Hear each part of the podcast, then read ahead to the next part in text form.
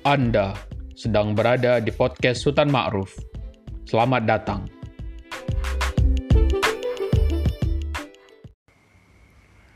Jengah. Kemarin saya menghubungi kawan. Kawan lama. Selama ini, kami sama-sama peduli pada isu tentang kaum minoritas yang tertindas di Indonesia. Mereka mengalami diskriminasi dan intoleransi. Pelakunya ada pemerintah daerah dan ada pemerintah pusat. Bentuknya berupa surat-surat. Surat keputusan, surat keputusan bersama, himbauan, dan edaran. Apa pun namanya, ketika tiba di masyarakat, hasilnya sama. Sama-sama peraturan. Dua kali pemilu, dalam polarisasi yang ketat, kami menyaksikan bahwa mereka yang gemar menggunakan tangan negara untuk menekan kaum minoritas dan gemar mengharuskan pemahamannya supaya menjadi ikutan semua orang berkampung di kubu Bapak Prabowo. Di saat itu, secara alamiah kami cenderung untuk memilih lawannya sebagai presiden. Siapa lagi kalau bukan Bapak Jokowi? Sosok dari Solo ini tampak memberi harapan. Hari ini, sudah tujuh tahun berlalu, sejak 2014 hingga sekarang 2021. Sudah dua kali pemilihan presiden berlalu. Dan sudah dua kali pula Bapak Jokowi terpilih menjadi presiden. Dalam tujuh tahun, ternyata tidak ada kemajuan yang berarti. Intoleransi terus terjadi. Riset setara institut menyebutkan bahwa pada tahun 2020 terjadi peningkatan intoleransi. Di sisi lain, kaum minoritas yang tercerabut hak-hak sipilnya tak kunjung mendapatkan rehabilitasi. Orang-orang Syiah Sampang misalnya, tetap terusir di rusun Puspa Agro dan harus pindah mazhab demi mendapatkan haknya kembali. Sampai sekarang, setelah mereka bersedia berpindah madhab, masih tidak jelas apakah mereka dapat kembali ke tanahnya atau tidak. Orang-orang Ahmadiyah di Lombok tetap mengungsi. Sudah belasan tahun di asrama transito. Sudah ada yang lahir dan meninggal di pengungsian bertahun-tahun itu. Surat keputusan bersama tiga menteri yang jelas-jelas diskriminatif dan telah menjadi semacam pembenar diam-diam atas keterusiran itu tetap tidak dicabut. Padahal Jokowi sudah menjadi presiden. Yang terjadi justru kita diperhadapkan dengan kaum Salafi Wahabi. Kaum literalis skriptualis. Benar, bahwa kaum Wahabi itu keras dengan prinsip mereka. Mereka sulit menerima orang yang berbeda. Mereka gemar membedahkan, menyesatkan, bahkan mengkafirkan.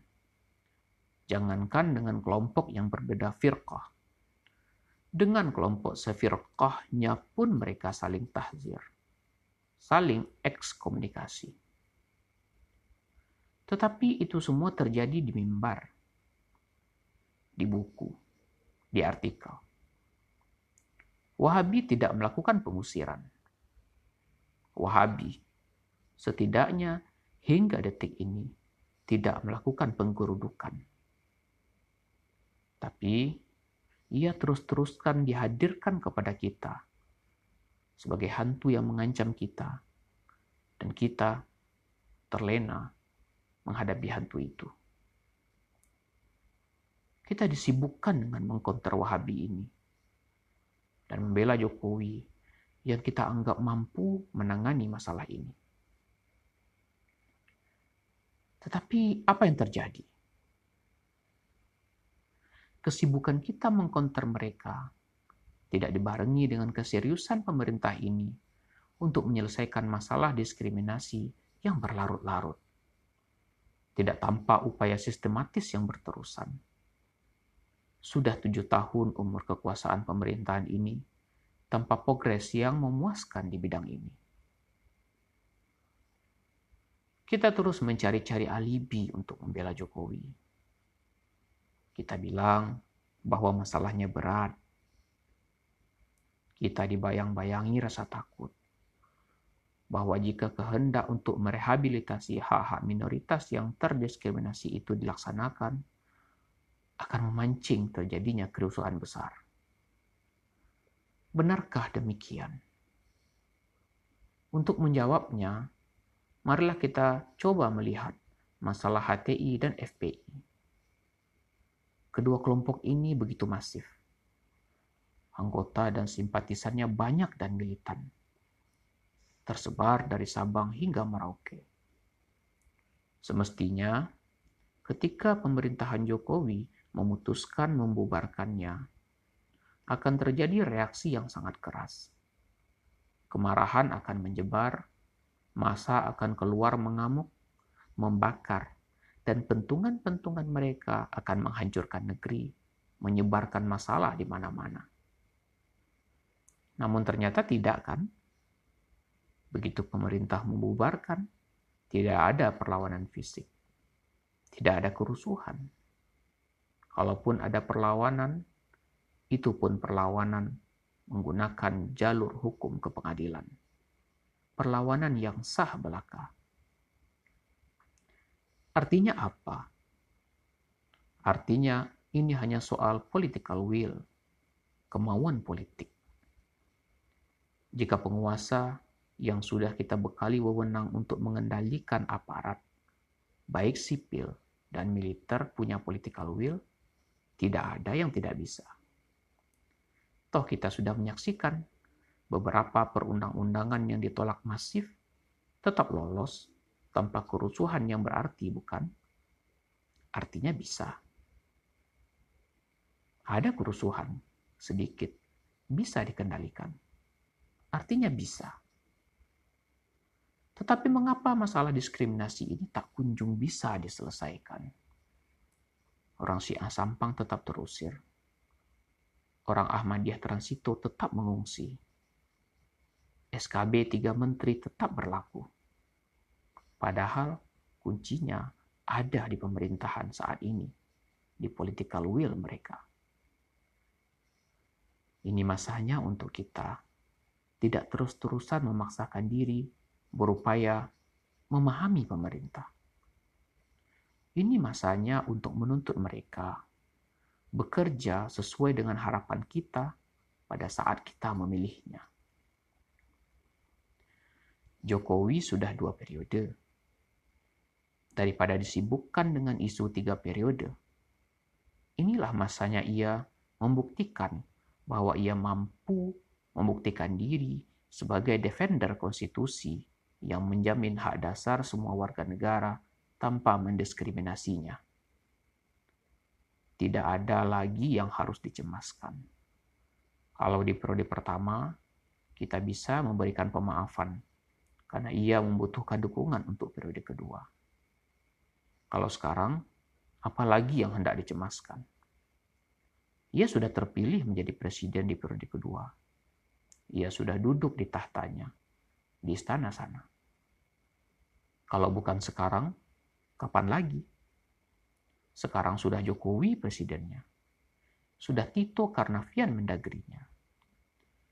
Sudah Ketua GP Ansor, Yakut Khalil Qomas, Menteri Agamanya. Nahdlatul Ulama sebagai organisasi Islam terbesar dan termasyhur karena komitmennya pada wasatiyah Islam ada di belakang Jokowi memberikan sokongan apalagi alibinya.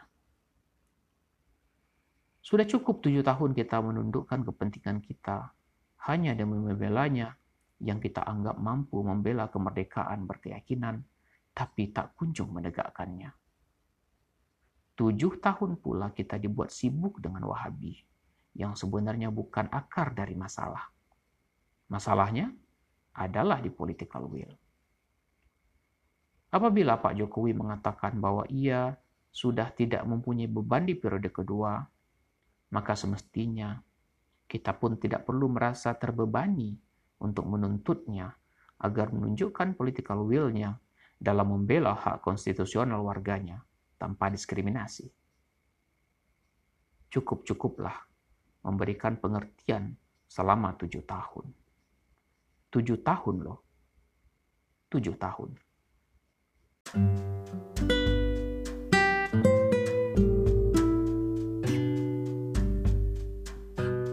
Podcast Sultan Ma'ruf dapat Anda akses di Apple Podcast, Spotify, Google Podcast, Breaker, Overcast, Pocket Cast, Radio Public, dan Anchor. Jangan lupa follow dan bagikan di media sosial Anda. Sampai jumpa di episode-episode selanjutnya. Saya Sultan Ma'ruf.